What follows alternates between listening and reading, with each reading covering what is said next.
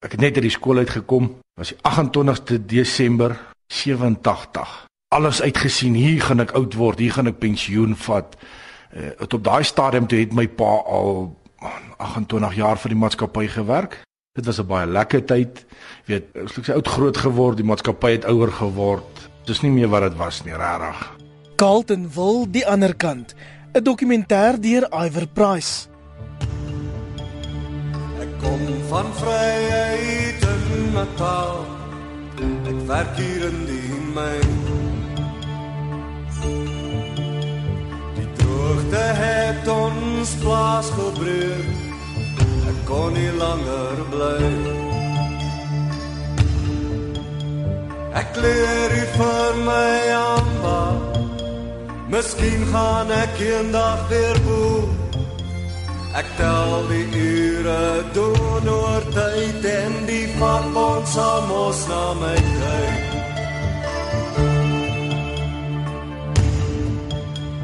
Ek werk in skofte dag na dag. Maar een keer 'n maand breek ek weg. Dis Vrydag aand en die naweek lê voor net 'n sak vol kontant en ek skryf. Carlton wil aan Gauteng se Wesrand is goudmyn wêreld. Dit is hier waar die wêreld se diepste goudmynskag lê. Dit is die tuiste van onder meer die land se grootste drie myngroepe wat werk aan duisende op die dorp verskaf. 'n dorp wat professor Andrius Besuidnout, 'n sosioloog by die Universiteit van Pretoria, na in die hart lê. Tot en met die 1980s het die staat wetgewing gehad wat mynmaatskappye geforseer het om 'n sekere proporsie van die werkers in hierdie hostelle te huisves. Dis 'n stelsel wat baie sterk deur die staat ondersteun is.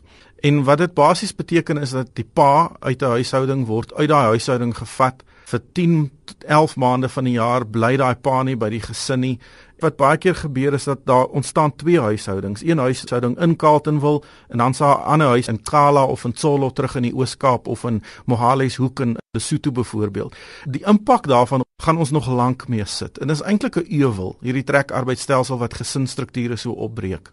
In die jare 90, toe hy vir die National Union of Mine Workers navorsing gedoen het, het Andrius vakbondlede by die meeste van die myne en veral die hostelle op Carltonville ontmoet. So daar's plekke in Carltonville in die verlede was dit by die Blyvoor uitsig myn.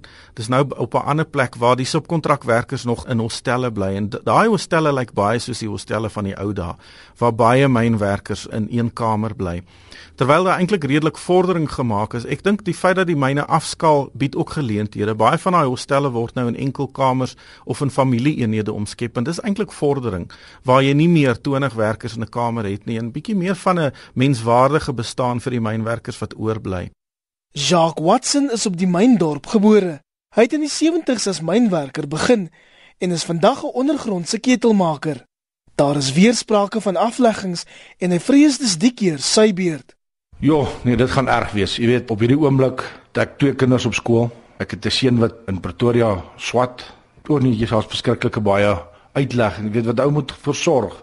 Ek het onder andere 'n bediende wat nou al vir my jare werk. So sy gaan nog geaffekteer word. Ek sal moet wegtrek hier want die is nie ander werk nie. Ek bly al my lewe lank in Kaltenwil. Ek is hier gebore, ek het hier groot geword en ek is nog steeds hier.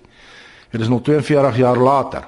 Ek het skool gegaan hier in die omgewing Om die plek te los gaan erg wees. Die Marikana myn naby Rustenburg lê so wat 100 km verder. 34 mynwerkers is net meer as 'n jaar gelede daar deur die polisie doodgeskiet na magstryd tussen die NEM en AMKU vakbonde.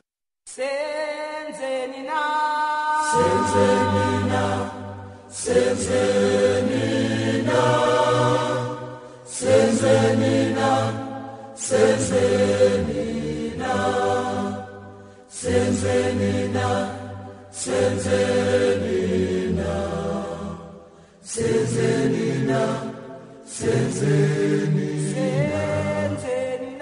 Senzenina, Senzenina, Senzenina, Senzenina, Senzenina, Senzenina. Senzenina, Senzenina, Sohlangana, Sohlangana, Esulini, Solidariteit se vakbondleier op Carlton Wil, Steve Scott, vertel die Marikana slagting in die bedryf tot stilstand geruk. Die jongste onderhandelinge in die goudmynbedryf het boonop pas 'n dooiepunt bereik. Ons het die laaste maand of so met salarisonderhandelinge in die goudmynbedryf. Baie van die werkgewers kan nie salarisverhogings bekostig nie. Baie van die vakbonde kry mandate van die lede af. Nou die lede vra maar soveel as moontlik, so vinnig as moontlik. En dit sit ook druk op die vakbonde want hy moet vir sy lid kan opstaan en die meeste kry. Nou maar jy moet ook kyk na die ekonomie. So vakbonde en werkgewers moet verantwoordelik wees om te kyk wat is die beste belang van die werkgewer en dan van die ekonomie. Ook op Carlton wil dit 'n chaos veroorsaak. Weet jy wat daai selfde ding het ons getref. Ons het net nie die verskriklike einde uitbereik deur die mense wat so dood is nie. Maar dit het hier gebeur. Die ouens wou nie gaan werk nie want hulle het hulle gedreig hulle gaan hulle karre beskadig. Weet as jy ry werk toe dan loop hierdie hordes ouens met assegaaie, pangas en knopkieries langs die pad. Jy weet jy weet nie is jy veilig nie. Kom jy by die werk is jou motor veilig nie. Jy weet wat gaan gebeur? Daai ons kan na instorm. Wat maak jy? Jy weet julle is 30 of 40, hulle is 500 na 1000 toe op beslag. Wat gaan jy maak? Jy weet dit was ons almal se vrees. Ons het maar gesit met groot oë en kyk na die hekke wat gebeur en gelukkig die myn was ons te gemoed. Ons het weet ingekom as daar nie 'n dringende probleem is nie, is ons vroeg huis toe weet so net kyk dat die myn alles oukei okay is en as alles dan reg is dan gaan ons huis toe. Dis maar hoe hulle ons probeer akkommodeer het om ons self ook maar veilig te laat voel. Die onsekerheid in die mynbedryf het tot verhoogde spanning gelei, ook by paartjies soos Jacques en Petro wat onlangs geskei is. Die ergste van die nagevolge volgens Petro is drankmisbruik. Ag hulle het ook maar baie stres en hulle kom by die huis. Jy moet maar ondersteun wat dit betref, veral met die stakings en goed dit is onveilig partykeer en jy's nie jou man se veiligheid seker nie. So jy weet nie in watter toestand kom hy by die huis nie en hy het ook maar baie stres. So jy moet maar jou man se stres ook partykeer hanteer by die huis.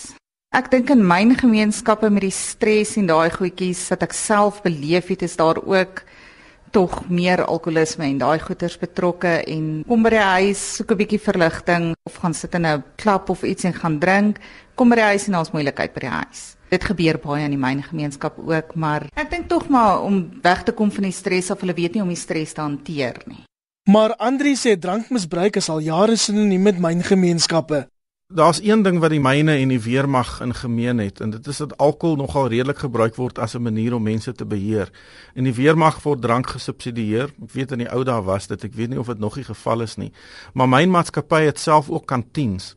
Daar's 'n lang en tragiese geskiedenis van die gebruik van alkohol aan die begin van die mynbedryf. Ek praat nou van 1800s, 1900s wat werkers aangemoedig is om alkohol te gebruik sodat hulle nie geld spaar nie. Want as hulle geld spaar, dan breek hulle hulle kontrakte en hulle gaan terug huis toe, koop beeste en werk nie meer in die myne nie.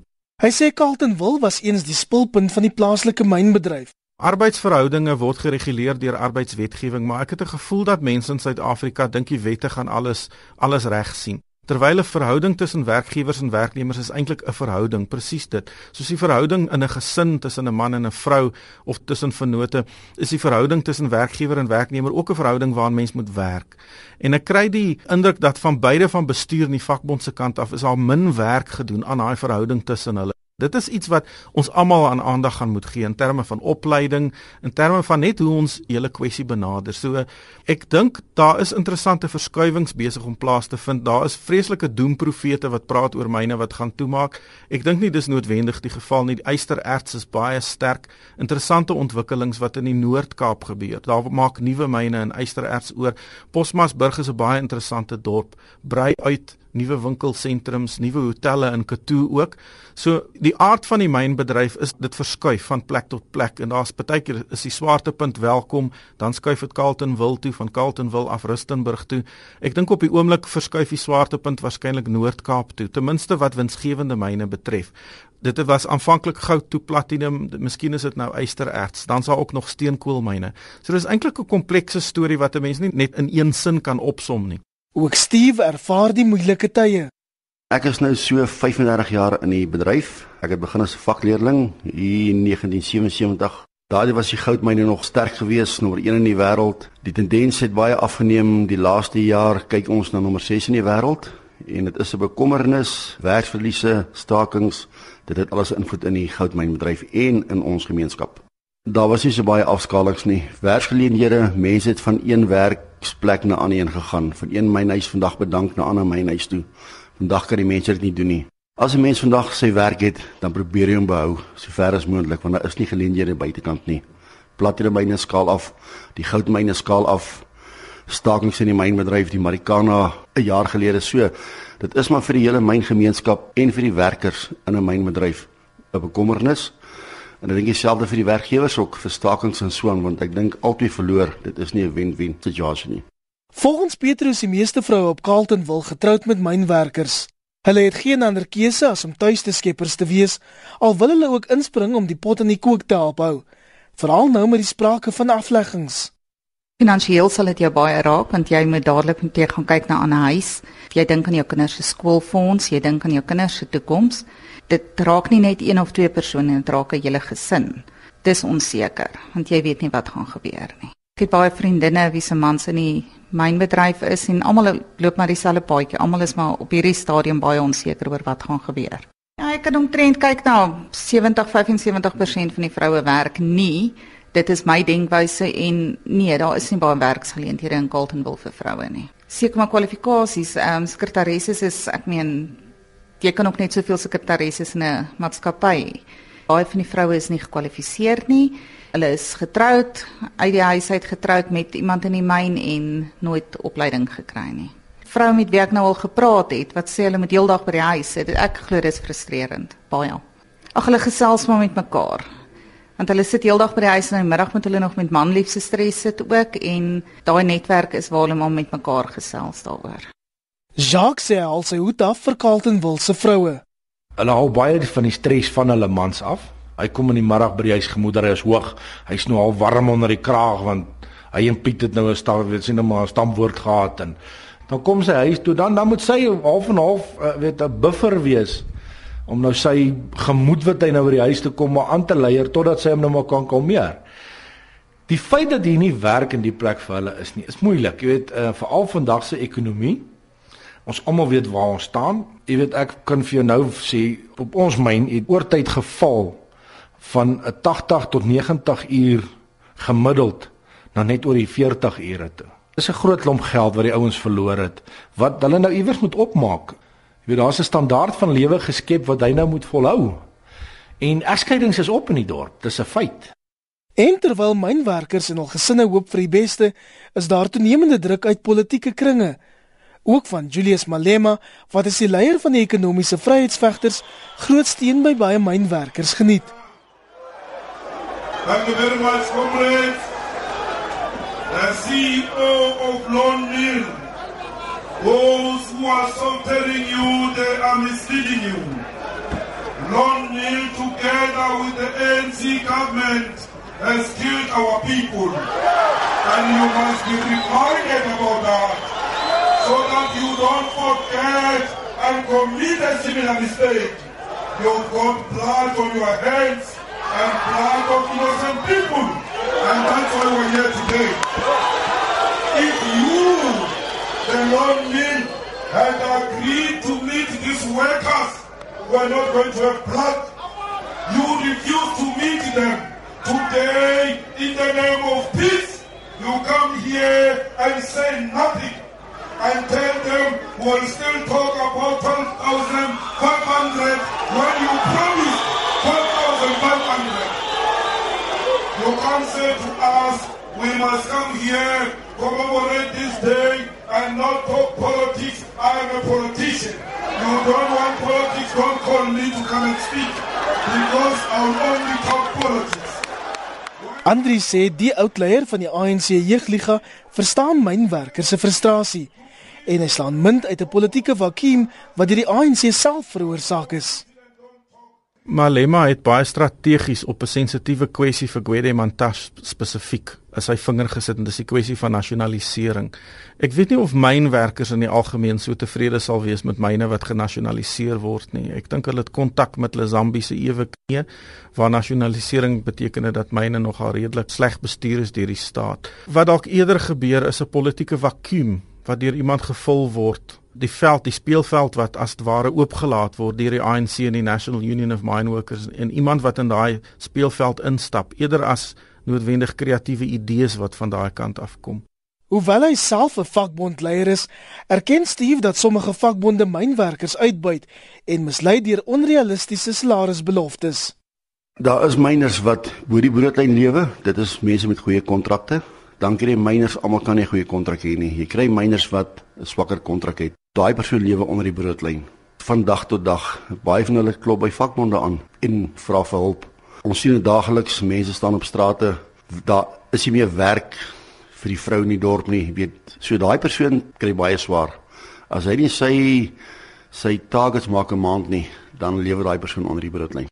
Andri sê egter daar is spanning omdat daar so groot verskil is tussen die salarisse van bestuurders en werkers.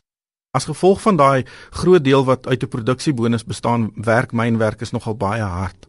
Maar wat ek ook moet noem is dat 'n groot deel van mynwerkers in die goudryf is, is een uit elke 10 werkers word deur subkontrakteurs aangestel en dan kan lone so laag gaan tot omtrent R2000 'n maand wat skokkend is. En baie keer skuld daai werkers geld aan hulle werkgewers en daai skuld word afgetrek van die loon af.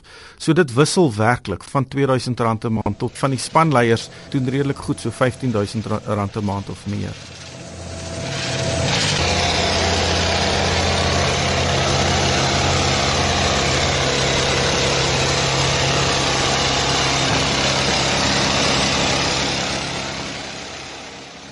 Intussen werk Jacques as ondergrondse ketelmaker in 'n uiters raserige en in baie gevaarlike omstandighede.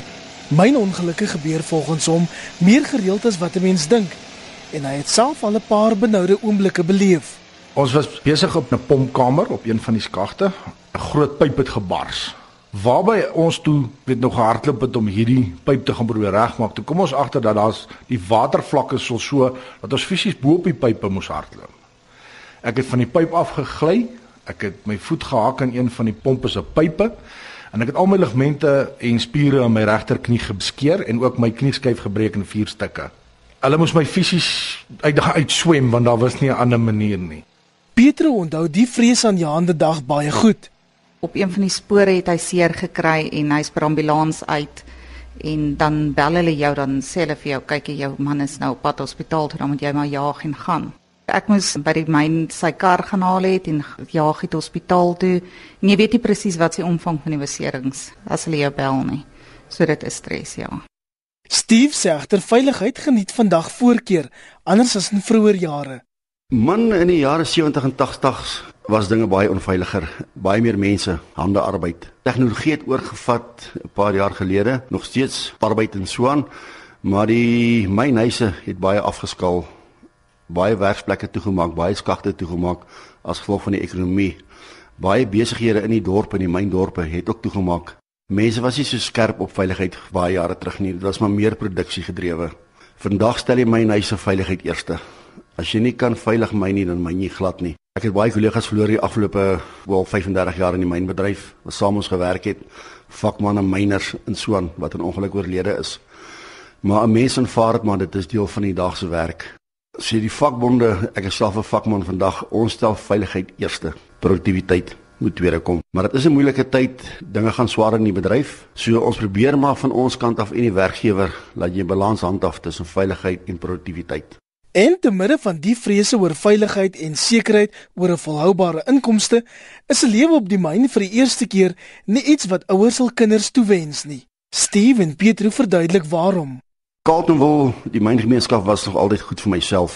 My paal was voorheen by die mynbedryf, maar ek sal graag sien dat my kinders 'n beter toekoms kry buitekant. Daar is baie meer geleenthede buitekant en in die buiteland as vandag by die mynbedryf. Dit is 'n sukkelende bedryf. En van myself af sal ek eerder sien dat my kinders buite toe gaan. Ek sal nie graag wil hê my kinders moet op die myn werk nie. Ek sal eerder wil hulle moet gaan verder leer en buite die mynbedryf werk vir veiligheid en omrede dit so onseker is op die myne op hierdie stadium. Andri sê verder daar is twee gebeurtenisse wat ook 'n sielkundige impak op die mense van Carlton wil gehad het. Die eerste is rassespanning na die dood van die AWB leier Eugene Terblanche en die ander is die dood van 'n vakbondleier. Weet jy daar's geweldig baie spanning in Carltonville nog steeds. Dis minder as in die verlede, maar ek was die week nadat Eugene Terblanche doodgemaak is, was ek op die dorp en ek het saam met die streeksekretaris van die NUM rondgery deur die dorp. En daar's 'n plek waar groot AWB kentekens op 'n muur geverf is en hy het basies daai week spandeer om die mynwerkers kalm te hou daaroor om vrede te onderhandel tussen van die AWB mense en die lede van die National Union of Mine Workers.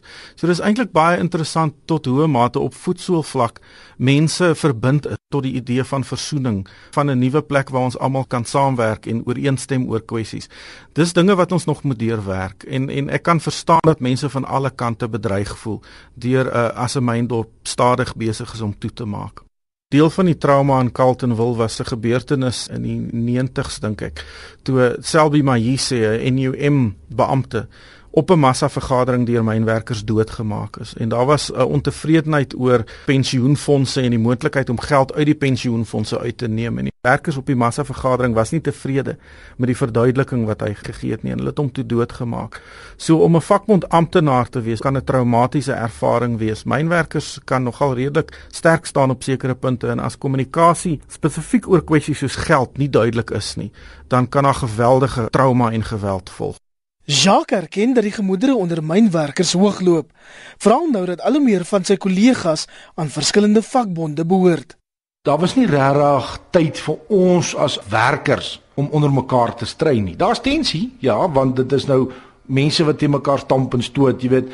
Wysbakke waar ons ry vat 50 man per dek en daar's 3 dekke. So hulle druk maar ons stamp maar 'n bietjie, die ouens stoot maar 'n bietjie aan mekaar. Ja, daar my gemoedere is maar 'n bietjie dik partykeer die meeste van die tyd as daar 'n aksie was, was dit die werkers teen bestuur. Daar was nog nie regtig 'n aksie wat ek sê tussen jou laer kategorie en jou hoër kategorie, jou werkers en jou officials as ek dit so kan stel nie. Die aksies wat daar wel was, was tussen die werkers en bestuur dat hulle ongelukkig was oor iets. En nou praat ons van veiligheidsgoed, jy weet, stof in die skagte, werksplekke wat nie op te standaard is, sulke goed. Jy weet, voel die ou se punt, dit is vir my ook 'n probleem gewees. Hy is egter meer bekommerd oor die impak wat onsekerheid in die mynbedryf op sake in die dorp het. Die fisiese impak wat dit op ons plaaslike besighede het, is iets verskrikliks. Jy kan net in die dorp gaan ry, dan kyk jy hoeveel winkeldeure is toe.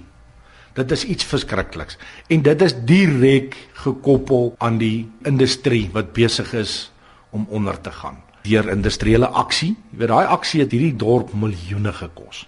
En ek wens net dat daai ouens wat in daai posisie sit en hierdie besluite maak, moet bietjie aan die ou dink op die vloer, die ou wat die werk doen. Hoe beïnvloed hulle besluite ons? Dis een van die groot vrae wat ek aan daai ouens wil vra. Hulle dink nie daaraan nie. Hulle dink net aan die groot salarisse wat hulle kan kry en wat hulle wil hê en al die dinge. Maar hulle dink nie aan die werker hier onder nie. Ernest van der Paul is 'n motorwerktuigkundige in Carltonville se hoofstraat.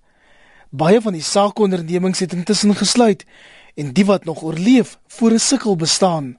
Van laas jaar Augustus maand af, die staking laas jaar begin het, het mense agtergekom die mense spandeer nie meer geld aan hulle motors nie. Hulle ry om tot hy gaan staan. Hulle patch hom sal ek nou maar sê. Dit gaan swaar. Dit gaan moeilik tye staf. Die mynbedryf bepaal wat hier aangaan. Mense hoor van die myn wat toemaak en soveel skagte gaan toemaak op die myn of in die omgewing as die mense hulle werk verloor, waartoe gaan hulle? En hulle gaan met hulle motors en hulle gesinne gaan uit die dorp uit. So die gemeenskap raak al kleiner. Vir sy eie kinders sien hy ook nie 'n toekoms op die myndorp nie. Ek weet nie of dit oral so gaan nie, maar in Carletonville definitief. Hulle het op 'n kol op die myn gewerk, ek dink vir 4 maande as leerling myners. Dis al wat 'n opening was, poste wat hulle jong manne opgelei het vir myners. En hulle was 4, 5 maande op die myn toe daar ongeluk ondergrond in van die ouens wat saam met hulle op die, in die kursus was is onder die klippe toegeval en hulle het uit die myn uitgekom en gesê nooit weer gaan hulle ondergrond. Dis so in een van hulle twee is op die myn nie. En te midde van dit alles loop die gemoedere hoog met 'n gesloor in die ondersoekkommissie na die Marikana tragedie. Ook mynwerkers in Carletonville sê alles sal onstabiel bly tot die feite oor die polisie optrede op die dag aan die lig kom.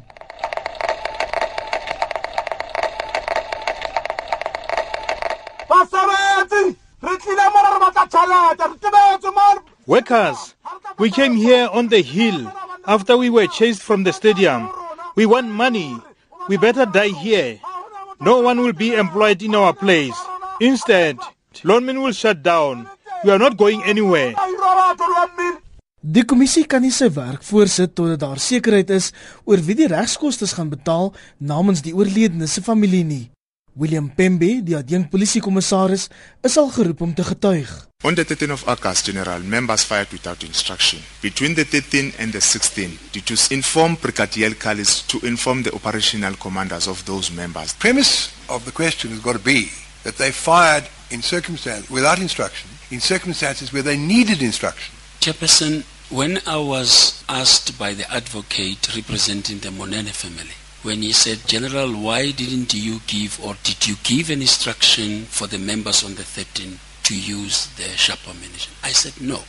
Daar is ander uitdagings ook, soos die toetrede van vroulike myners wat nie altyd deur hul manlike eweknie waardeer word nie. Baie van die mans ondergronds vind dit baie moeilik om aan te pas by 'n omgewing waar vrouens ondergrond saam met hulle werk. Jy weet, dit word baie baie warm in daai diep mynskagte. En van die mans dan trek sommer hulle klere maar uit as hulle ondergronds werk. Van die vroue moet verhoudings met mans ondergronds hê sodat hulle hulle beskerm teen geweld van ander mans, wat eintlik 'n baie hartseer situasie is.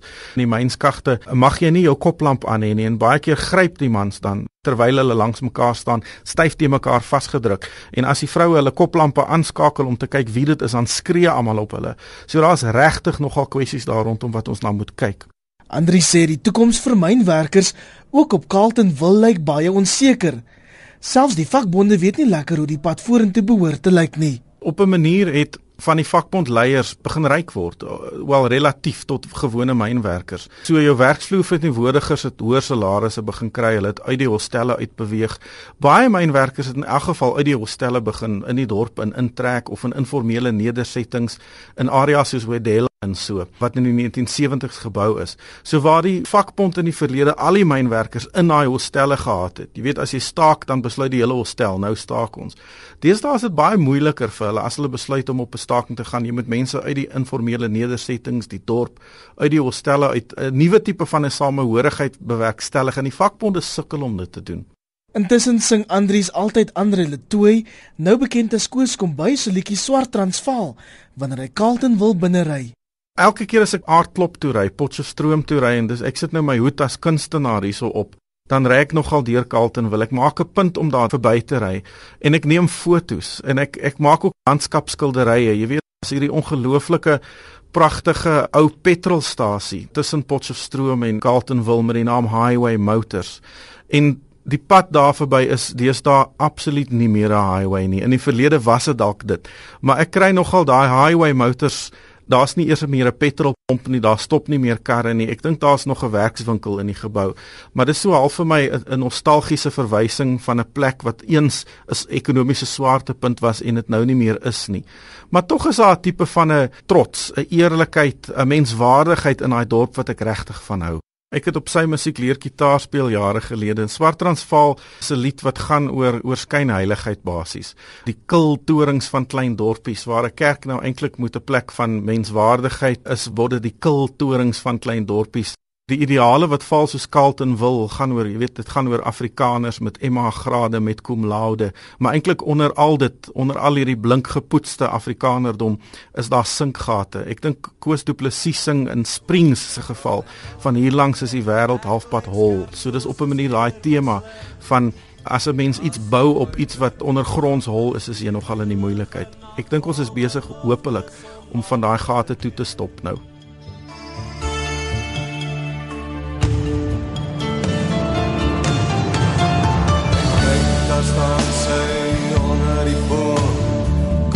Kromblink gevaarlik saam Vier paarde kracht en bloedrooi gevaar. Machine en een cowboy se droom. En onder haar staat op hart van goud.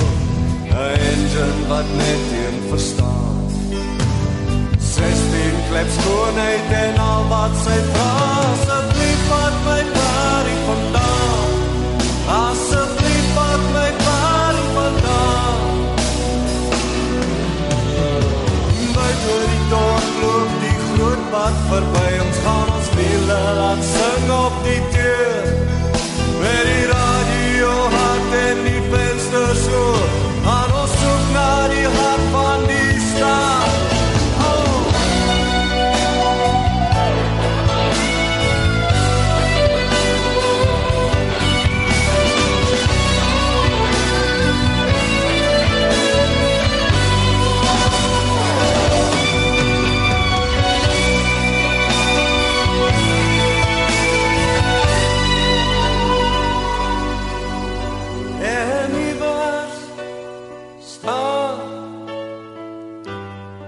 Ellie in die stad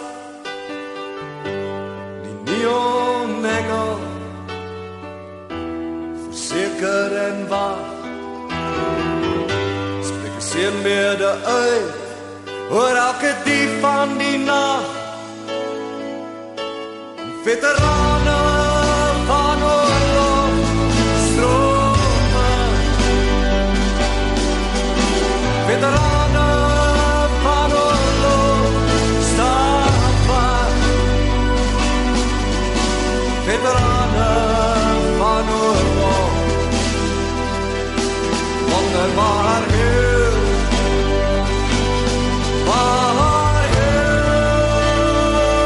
heel Carlton Will, die ander kant, is 'n dokumentêr deur Iver Price.